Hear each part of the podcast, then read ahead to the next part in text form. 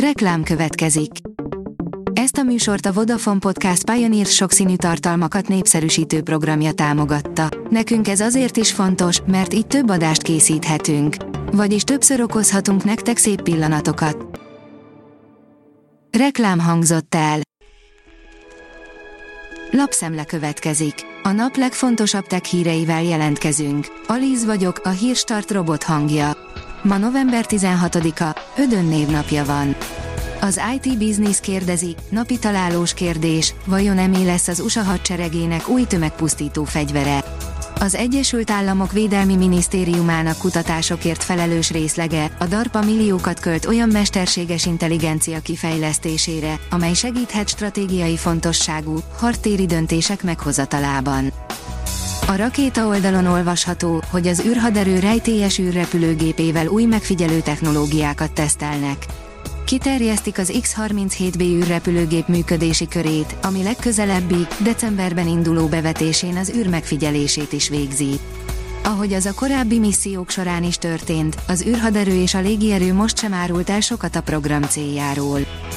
A Bitport szerint idén 10 hónap alatt 240 ezer embert küldtek el a tech cégek több mint másfélszer annyian veszítették el a munkájukat, mint tavaly egész évben. Pedig hónapról hónapra csökken az elbocsátottak száma.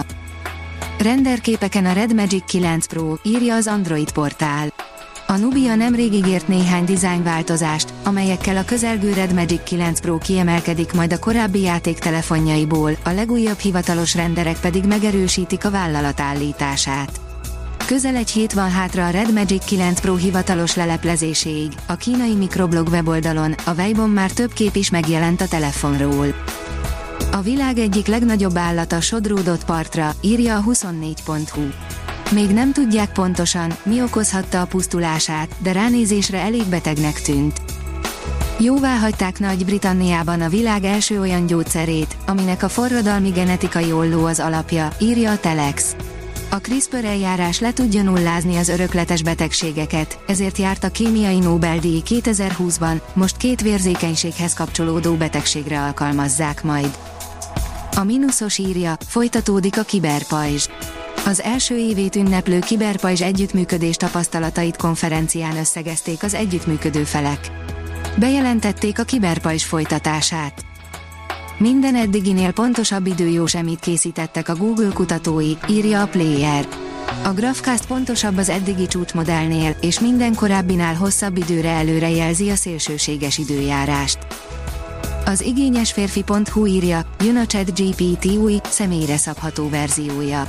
A népszerű chatbot mögött álló vállalat, az OpenAI november 6-án megtartotta első fejlesztői konferenciáját. Deepfake és hanggenerátort, saját csippeket és mást is hozott a Microsoft AI eseménye. Itt van minden bejelentés, írja a PCV. A Redmondiak rendíthetetlenül hisznek a mesterséges intelligenciában, így számos izgalmas szolgáltatással gyúrnak rá a témára. A rakéta írja, az emberiség első űrcsatájára most, az izraeli-gázai konfliktus miatt kerülhetett sor. Az izraeli védelmi erők a Kármán vonal, tehát a világűr határa felett fogtak el egy rakétát. Mivel az esetet videófelvétel is bizonyítja, ez lehet az első dokumentált katonai összecsapás a világűrben. Az ATV írja, megváltozik a Google keresője.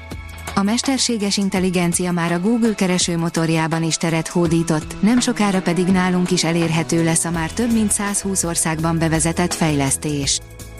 Bolyár Gábor, a karizmára, ami egy vezetőt vezetővé tesz, az AI soha nem lesz képes, írja a Force. A tech vezetők szerepeiről és kihívásairól és természetesen a mesterséges intelligenciáról beszélgetett Bolyár Gábor, Börmacher Barnabás és Balog Petya a Force Tech Summiten. A Hírstart tech lapszemléjét hallotta. Ha még több hírt szeretne hallani, kérjük, látogassa meg a podcast.hírstart.hu oldalunkat, vagy keressen minket a Spotify csatornánkon, ahol kérjük, értékelje csatornánkat 5 csillagra. Az elhangzott hírek teljes terjedelemben elérhetőek weboldalunkon is. Köszönjük, hogy minket hallgatott!